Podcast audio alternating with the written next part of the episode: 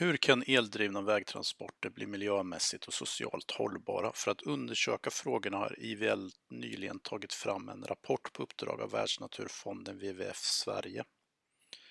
Idag har vi med oss Ola Hansén, senior rådgivare hållbara energi och klimat Världsnaturfonden WWF, WWF Sweden för att diskutera vilka nästa steg är för att tillsammans försöka skapa hållbar elektromobilitet.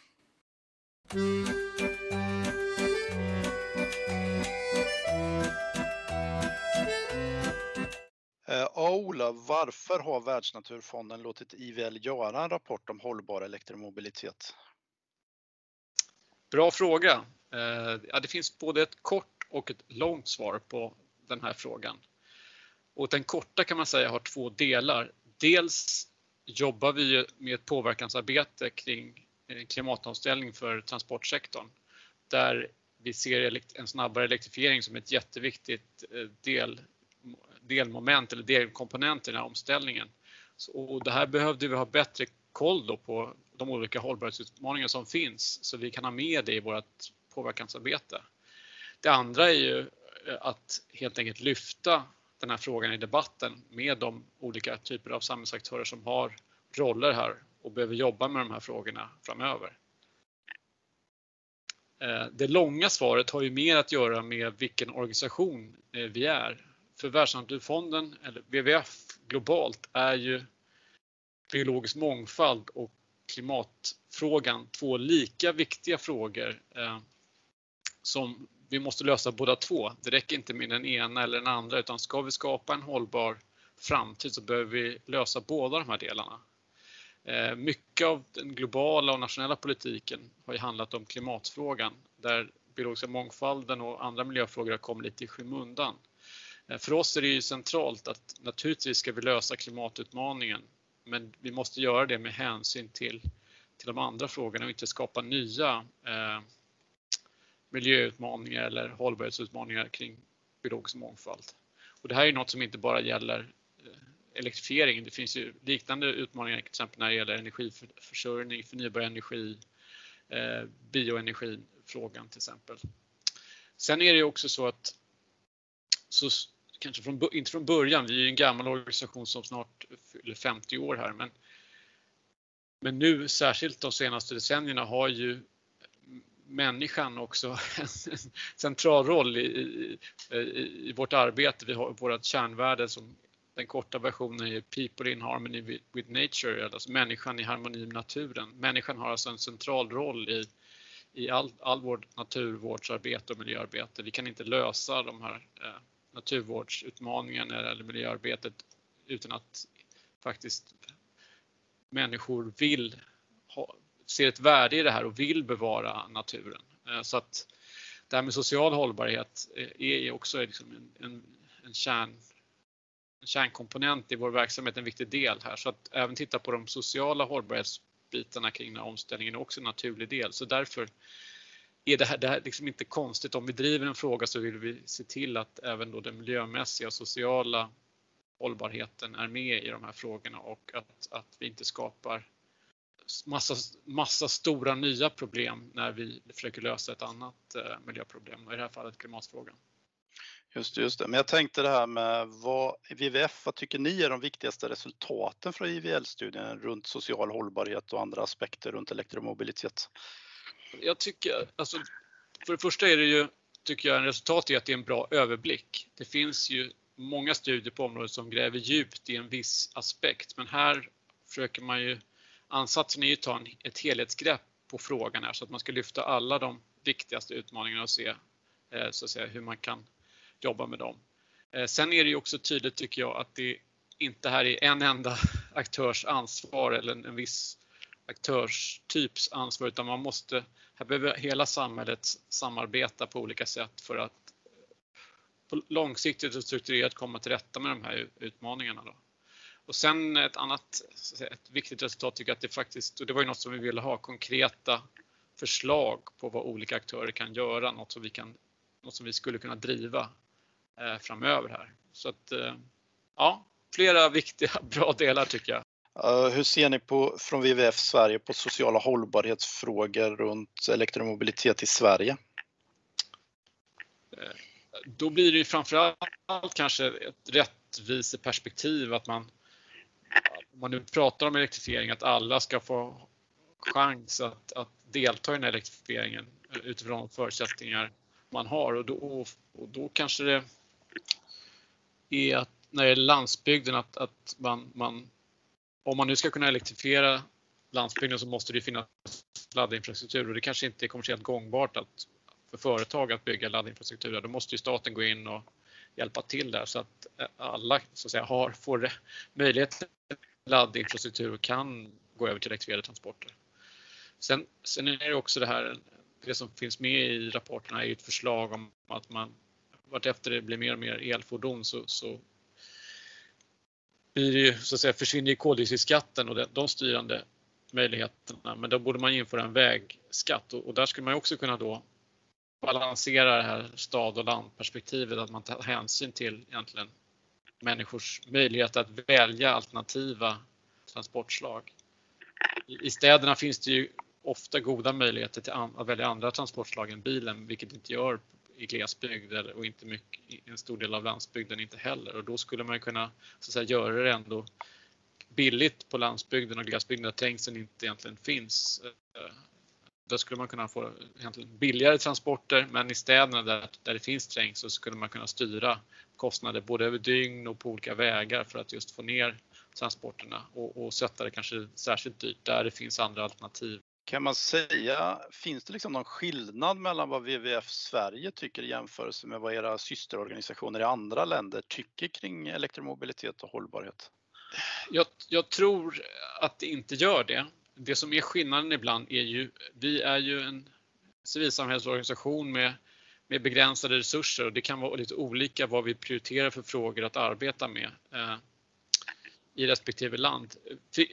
Om vi fick, som fick önska och drömma skulle vi jobba med alla frågor men, men det kan vi, vi har inte de resurserna så vi får, vi får välja så att om det skiljer så kan det snarare vara vilken ingång man, man kommer liksom, på de här frågorna. Om man jobbar med gruvfrågorna i ett land till exempel eller jobbar med andra frågor så kan man närma sig de här frågorna från lite olika håll men kärnvärdena är de samma. Det man kan säga är att vi har ju framförallt på på WWF globalt jobbat med energiutmaningen eh, när det gäller eh, klimatet. Då. Eh, det står ju, den står ju fortfarande, energisektorn är ju den dominerande sektorn när det gäller klimatpåverkan och inte så mycket med transportsektorn. Men i flera länder har vi börjat jobba mer och mer med transportfrågorna också då och då kommer ju, ja de kommer inte bara i transportsektorn, de kommer i övriga sektorer också, elektrifieringen. Men det är något som vi börjar jobba mer och mer med. Så man kan säga att vi på Sverigekontoret här ligger lite tidigare, lite före en del andra kontor. Så att vi hoppas ju även kunna sprida de här resultaten då till våra andra kontor så att de har hjälp av den här rapporten också eh, när de ska jobba med de här frågorna. Mm, spännande att det ni har tagit fram kan spridas. Men jag tänkte, ni är ju som sagt WWF Sverige och som du sa också så jobbar ni med påverkansarbete, liksom påverka politiker, svenska politiker då. Och då undrar jag lite hur du bedömer att svenska politiker förstår frågorna runt hållbar elektromobilitet och kanske speciellt när runt sociala frågor. Då. Eh, jag tror att det finns viss inblick men det finns ju eh, mycket mer att jobba på skulle jag säga. Eh, jag tänker bara elektrifieringsperspektivet har ju är ju inte så gammalt det heller. Det har ju funnits i några år nu men, men det har ju växt sig väldigt, så att säga. om man bara tittar fem år tillbaka i tiden så är det ju väldigt skillnad hur man ser elektrifieringen som helhet. Men, men det blir ju lätt så lite grann när man pratar klimatutmaning och Sverige att man blir lite enögd att bara titta på klimataspekterna och glömmer övriga miljö, miljöparametrar eller de sociala hållbarhetsfrågorna. Så att, så att eh, jag, inte, jag, ska inte säga att det inte finns med alls, men det finns mycket mer att göra eh, kring det här. Mm. Men är det något speciellt du tycker politikerna borde ta till sig att det här borde de lära sig mer om ordentligt för att det ska bli att de tar bra beslut runt elektromobilitet och styrmedel och vad det nu kan ja, vara? De, de, om de inte har egna studier så borde de ju verkligen läsa rapporten här så de får med sig alla de frågor som finns kring eh, eh hållbarhet och elektrifiering och sen titta på hur de kan jobba med de här, dels i svenska strategierna eh, och eh, även i de då internationella samarbeten som man har på olika sätt. Då. Eh, och titta också hur man, vad man styrmedelsmässigt, lagstiftningsmässigt då, regler, standarder, styrmedel kan göra både kanske ur ett svenskt perspektiv men också på EU-nivå eh, för att adressera de här frågorna. Eh, och titta så att säga, vad kan man, man kan inte lösa helheten men man kan definitivt bidra för att, att trycka de här frågorna i, i, eh, i rätt riktning. Särskilt som kanske Sverige är ett av de länderna som har kommit kommer att vara de som ligger i framkant kring hur, hur snabbt elektrifieringen går. Då. Precis. Vi kommer tillbaks lite till styrmedelsfrågan och lagstiftning och så, men jag tänkte vi byter lite fokus till en annan aktör. Hur, hur bedömer ni företagens eh, förhållningssätt, förhållningssätt till hållbara med elektromobilitet? Och då tänker jag kanske framförallt på bilföretagen, fordonsföretagen, de som gör elfordon, men det kan ju vara andra aktörer också. Men, men framförallt ja, jag, de kanske. Ja, jag tycker där har man en större eh, man, man, man är mer på bollen än, än, än politi politiken i dagsläget. Då. Man, man, eh, och det kan göra med att man, man har ju sedan länge som vana att jobba med klimatfrågan och klimatutsläppen här och, och, behöver lösa det. Eh, man, är också, man har redan idag liksom, höga återvinningskrav. Eh, de här sociala frågorna kanske till viss del är, är nya men man har ju de, om man tittar på elektronikbranschen har ju man jobbat med de frågorna länge och det finns ju mycket elektronik i bilarna också så att man, jag tror att man finns en viss förberedelse för det här. Det som är nu att det mer kommer i, i mängd eh, liksom, och att, att jobba över livscykeln och ställa krav på underleverantörer, det har man ju gjort eh, tidigare också. Nu, nu blir, blir fokuset på det som handlar om elektrifiering men, men grundtanken att ställa krav på leverantörerna även kring hållbarhet har ju funnits tidigare också. Så att, det, det, jag gissar varför man är mer på banan här men, men, utifrån de samtal vi har haft så är vår bedömning att företagen är ändå... De, de, frågorna finns med i deras arbete. Men även om de har kommit kanske lite längre i sin förståelse runt de här frågorna än politiken så kanske de har saker de kan jobba med. Har ni någon speciell rekommendation från WWF Sverige vad ja, bilföretagen bör arbeta med för att det här ska bli? Eh? Ja, alltså en viktig del eh, om man tittar, det är ju så att, säga, att få ner eh, klimatfotavtrycket. Det har varit starkt fokus på det i produktions, eh, produktionsledet. Att, man inte, att inte bilen och batteriet kommer med all, allt för stor eh, klimatskuld just för att det, som klimatnyttan ska, ska maximeras. Där. Och där finns det flera sätt att se till att man eh, säkerställer att man har för, för, i hög grad förnybar hållbar energi i produktionsled. Men sen är det ju också de, de sociala bitarna. Då är det ju att, att de här kritiska mineralen, speciellt då kobolt och litium, framställs på ett, ett så bra sätt eh, som det bara går. Och där är man ju ganska långt ifrån om man tänker de svenska fordonstillverkarna från liksom, när de här mineralen tas fram. Så här handlar det om att på olika sätt skapa samarbeten i hela värdekedjan eh, som kan naturligtvis vara väldigt eh, komplext. Men, men, för att det ska funka så det här så tror vi att det, man måste skapa långsiktiga och, och liksom, djupa, om man säger så, vertikala samarbeten här i, i, i kedjan för att det ska fungera.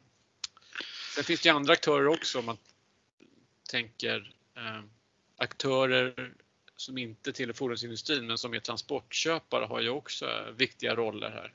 Dels att, eh, så att säga, se till att elektrifieringen fortsätter Eh, framåt och tar fart genom att efterfråga elektrifierade transporter eller om det handlar om kollektivtrafik. Men att man också då i samband med att man ställer krav på elektrifiering också ställer hållbarhetskrav så att man utmanar och skapar den efterfrågan som behövs då på, på, på även de aspekterna. Jag tänkte om man går över lite till er roll då, WWF, då, både som WWF Sverige och kanske även den globala organisationen om ni ska driva på det så kanske ni, ni behöver liksom samarbeta längs med värdekedjan då. Hur gör ni det? Jobbar ni liksom som eh, garant för att det här går bra till eller vad har ni för olika roller helt enkelt? Det, vi ligger lite i, kan säga, i spetsar på vår egen organisation så vi har inte funderat riktigt exakt eh, vilken roll vi kan ta internationellt. Eh, det får vi egentligen lösa i dialog med andra aktörer. Och vi har ju verksamhet i de här länderna men, men som sagt, gruv, gruvor är inte heller ett, ett, liksom, över, över nätverket ett prioriterat område. Så, så, så ska vi börja titta där så, så, behöver vi det finns studier vi tittar på de miljömässiga konsekvenserna av gruvbrytning men vi har inte ett, ett helhetsgrepp i, i hela värdekedjan. Så att jag, jag tror att från vårt perspektiv handlar det om att fortsätta dialog med de svenska aktörerna i, i batteritillverkare, fordonstillverkare ha en dialog med dem och, och, utmana men också prata om hur, hur kan man göra de här sakerna. Eh, med politiken naturligtvis i Sverige och EU se till att lagstiftningen också eh, kommer på plats och gynnar de aktörerna som är de företag som är duktiga på det här. Eh, sen kommer vi ju försöka hitta samarbeten på EU-nivå åtminstone för att, för att, eh, så att säga, få tryck på den europeiska lagstiftningen. Där, att vi, där kan vi inte vara själva utan det gäller att hitta sådana som civilsamhällesorganisationer eller andra organisationer som har samma så att säga, målsättning som vi och eh, driva på för att man tar grepp också när det gäller EU, EU-politiken och EU, EU-lagstiftningen. Just ja, Intressant, men det, jag antar att ni tänker på det, men det finns inga sådana tankar runt eh, mm, Alltså att ni skulle bli en granskande organisation att kolla på de här värdekedjorna ordentligt? Eller du svarade delvis på det, men jag... Alltså det, det, det är möjligt, men jag, jag, vet ju att eh, det här är ju en till exempel en organisation som Amnesty har ju lagt resurser mm. på att eh, granska eh, i perioder granska hur det här, speciellt då kanske bryt, brytningen, koboltbrytningen i Kongo eh, mm. går till. Men de har inte en, en, det är inte en löpande sak de gör hela tiden utan det, de gör stickprov och så att säga, kommer med tydliga förbättringskrav på, de, på företagen som är i värdekedjan då, eh, aktiva där. Så mm. jag tror det är inget som vi kommer att, att uh, göra, men vi kanske kommer. Man kan ju tänka sig att det kommer initiativ, inte från oss, men från andra aktörer kring märkning här från olika organisationer och där skulle vi kunna kanske delta. Så att det, det jag vet, det får inget rakt svar här, men, jag, men eh, jag, jag, vet inte, utan det här är de frågorna vi, vi liksom har med oss nu när vi har fått den här överblicken. Vad ska vi prioritera när vi går vidare? Vilken roll ska vi ha? Mm. Men vi är ju dialog, dialog eh, vi bottnar i en, en, att ha dialog med olika aktörer, det är ju en central roll vi har. Så den, den kommer vi försöka utnyttja på olika sätt. Att vi, att vi går in och blir någon granskande organisation eller går i garant, liksom, någon slags märkning, det tror jag inte ligger mm. i alla fall inte i närtid här. Men det, är ju, men det är en roll som en organisation kan ta, men det bästa är ju att, att att branschen själva egentligen kan klara av det här och det, det är väl sånt som Amnesty och andra som har granskat eh, så att säga, värdekedjan från, från gruvnäringen då till, till, fordon, till fordonstillverkarna är att man, systemen som man har är nog bra och de standarder man har, det är ju uppföljning och kontroll som är de svaga delarna så att det är någonting som behöver förbättras. Kanske inte att man kämpar sig igenom att ta fram nya standarder, det finns utan att se till att de implementeras och kontrolleras. Mm. Ja, absolut. Jag tänkte vi skulle gå över till lite så trade-off-frågor då eh, runt det här med social hållbarhet. Hur, hur exempelvis ser WWF på den här frågan om att om det nu är problem med gruvbrytning, stora eller små i andra länder, att, eh, och att vi kanske måste du öppna gruvor i Sverige helt enkelt för att få de här materialen på ett mer hållbart sätt i relation till andra länder. Alltså det finns någon sorts trade-off och då ger vi oss på svensk miljö och att det blir kanske miljökonsekvenser som är nationella eller regionala eller lokala med, kopplat till ny gruvbrytning i Sverige. Den här trade-off situationen som är, ja du förstår helt enkelt. Hur, ja. hur, hur tänker ni runt det? Ja, vi, vi, jag ska inte säga att vi inte har tänkt på det men, men som sagt vi har, vi har ju inte liksom haft resurser att jobba fram nya positioner kring, kring gruvor, varken internationellt eller i Sverige. Då. Så att jag kan inte ge ett rakt svar, men jag kan ge lite liksom, hur, vi prioriter, hur vi tänker och eh, vilka mm. perspektiv man kan ha.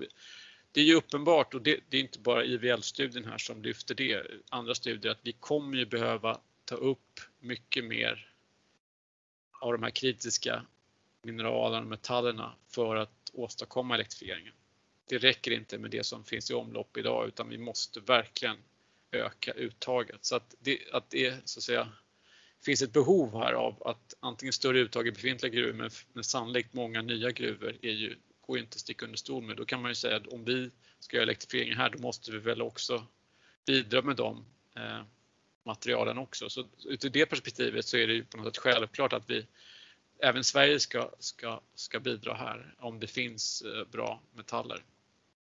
Mm. Eh, men, men det är inte eh, det bästa vore väl att hitta de gruvorna där, där, så att säga, där man kan ur ett livscykelperspektiv skapa så lite miljö och hållbarhetspåverkan som möjligt, den bästa hållbarhetsprestandan över, över, över livscykeln. Och då kan, då kan ju sådana gruvor kan ju finnas i Sverige, i vårt närområde, men det kan ju också finnas i andra, andra länder. Eh, så det, samtidigt är det en utmaning också, det har inte öppnats några nya gruvor på väldigt länge i, Sverige egentligen, som jag har förstått det. Så att det, det är frågan om också, beror det på ekonomiska skäl eller andra skäl? Så, så att, eh, att, att så ställa upp en, en hel svensk batteristrategi och hållbarhetsparametrar utifrån att vi ska bara ha svenska gruvor för det här håller ju inte heller utan vi måste nog räkna med att vi kommer ha ett inflöde från, från andra länder, kanske väldigt fattiga länder och det måste vi kunna klara av att hantera och ha en hållbar produktion ändå.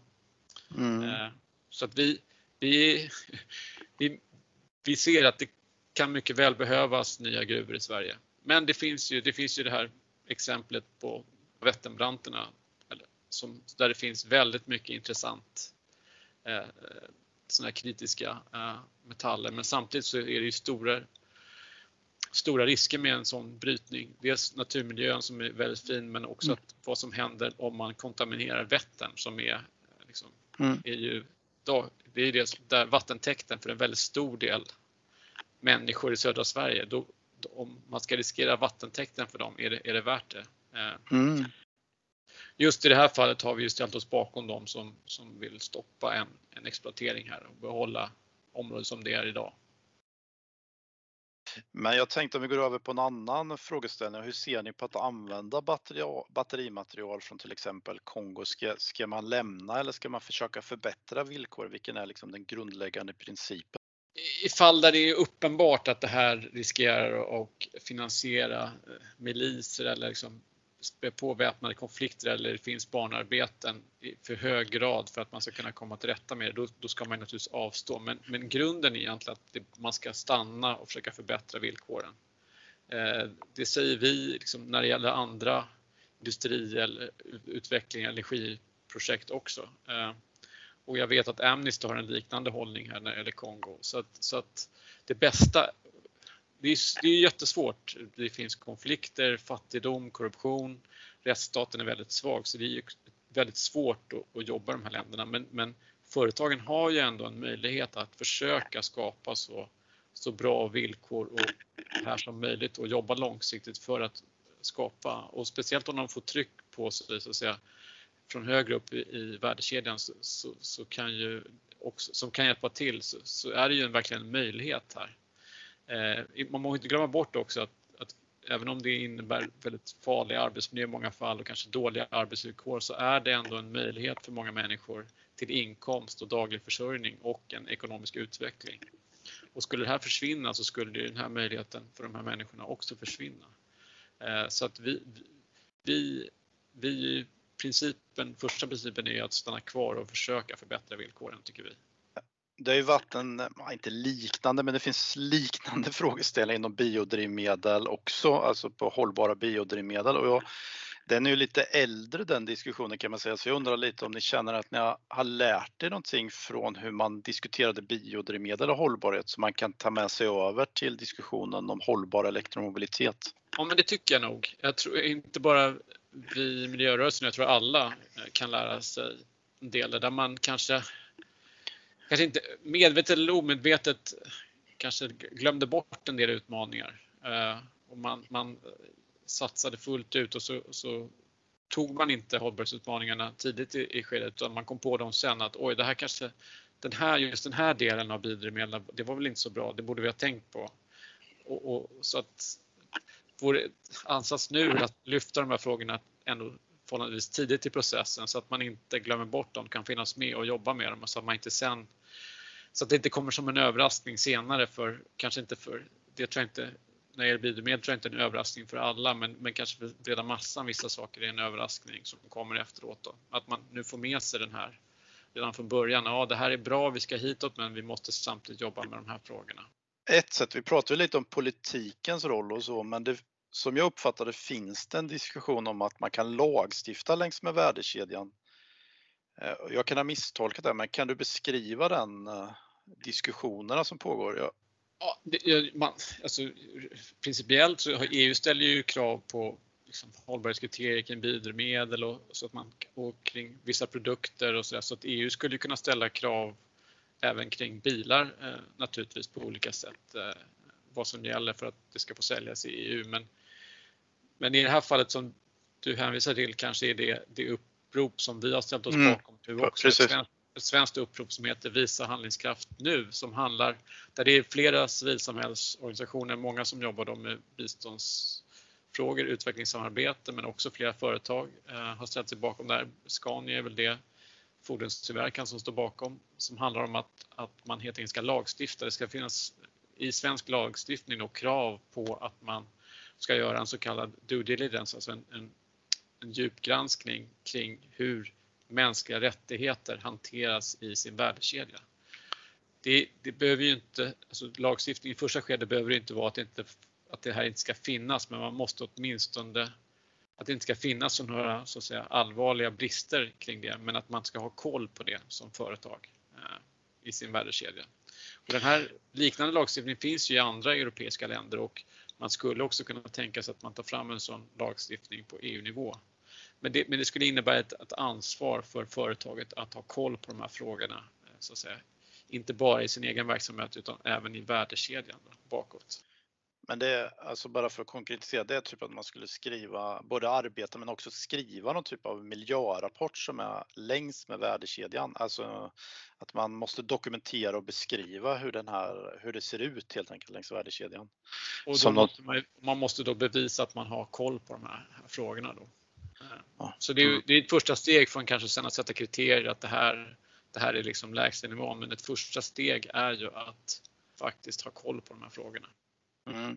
Men tror ni att det kommer hända? Det här är ju ett påverkansarbete då, så att man hoppas att det ska komma in.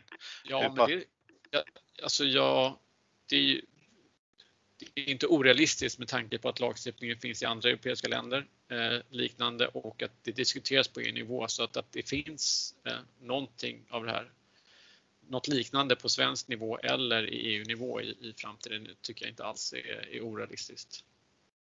Mm. Och det kan ju vara också att det tar ett bredare grepp, att det inte bara handlar om mänskliga rättigheter utan ett bredare grepp på social hållbarhet också. Men just det här uppropet handlar då om, om mänskliga rättigheter i värdekedjan. Precis. Tror du, nu, nu sa ni att WWF hade en tradition där att man även tittade på biologisk mångfald eller den biologiska aspekterna då på problem.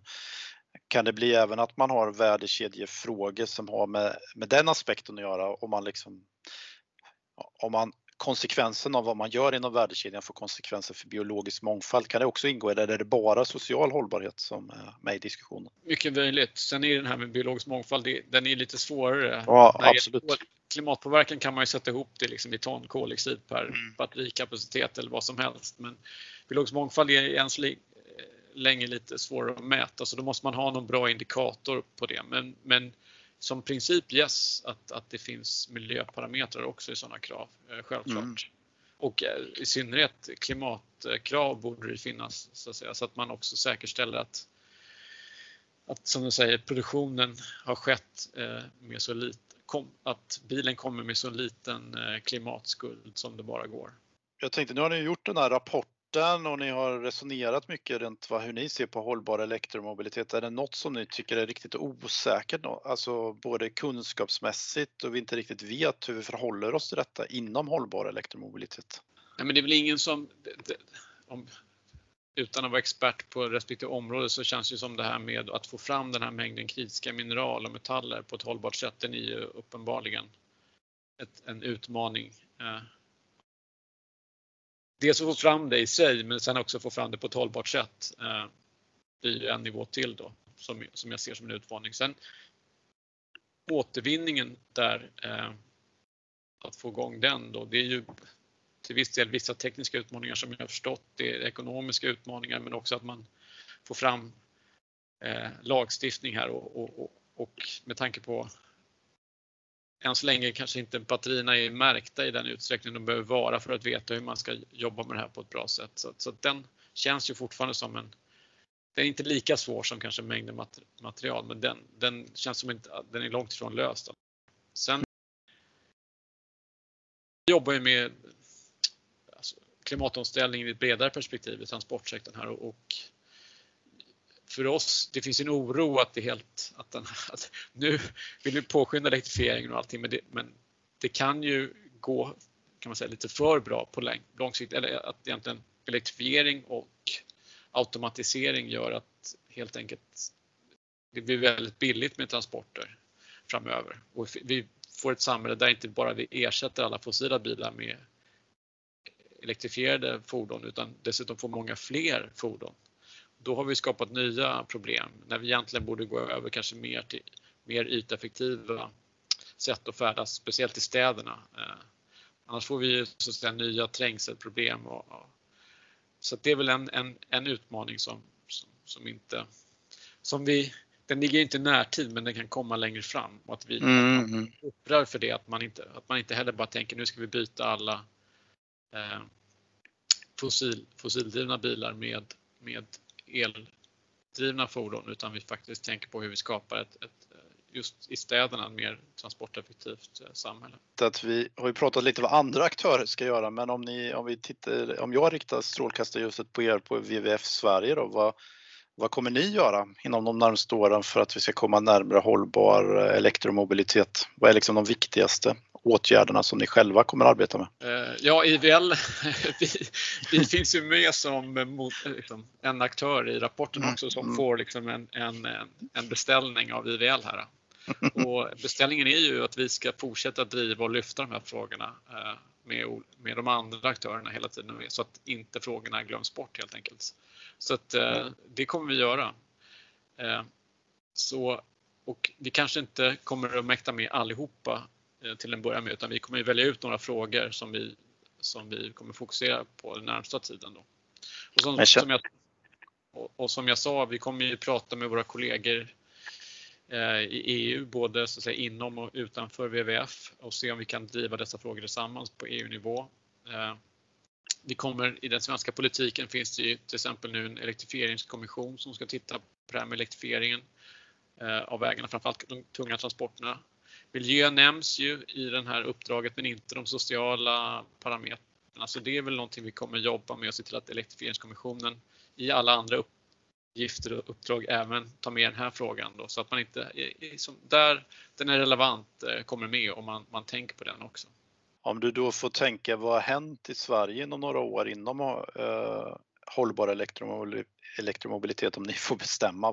vart har vi kommit om typ 3-4 år? Lagstiftningsmässigt och styrmedel och diskussion och så.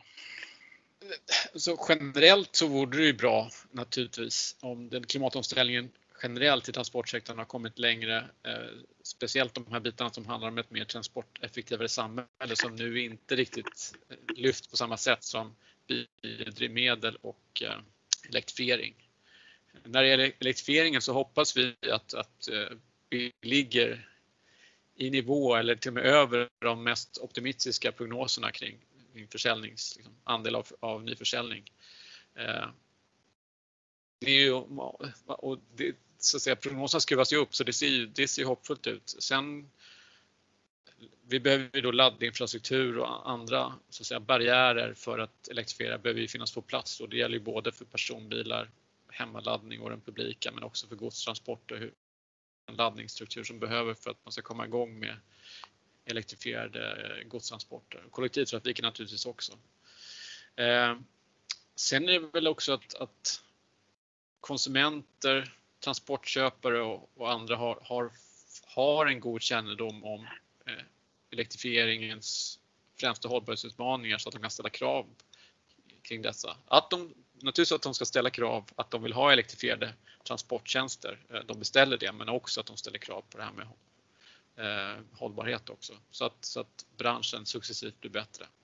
ja, det, fordonstillverkarna, de, de måste ju fortsätta. De, som vi sa, de är ändå på banan, men att de växlar upp arbetet här och eh, blir ännu bättre.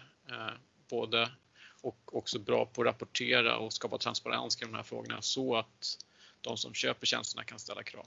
Så det ja, egentligen vill, skulle vi vilja att alla förslagen i den här rapporten är åtgärdade, men det är kanske lite väl lång önskelista. Men, men eh, det är det vi kommer, vi kommer fokusera på några frågor, men om vi fick önska skulle alla förslagen ha varit, vara genomförda. Ni har lyssnat på en podd från nyhetsbrevet om EV. Mitt namn är Magnus Karlström och jag är redaktionschef för Om EV. Om EV är helt finansierat av Energimyndigheten och värdar Swedish Electromobility Center och musiken jag lyssnat på är från det fantastiska bandet Vintergatan. Tack för att ni har lyssnat.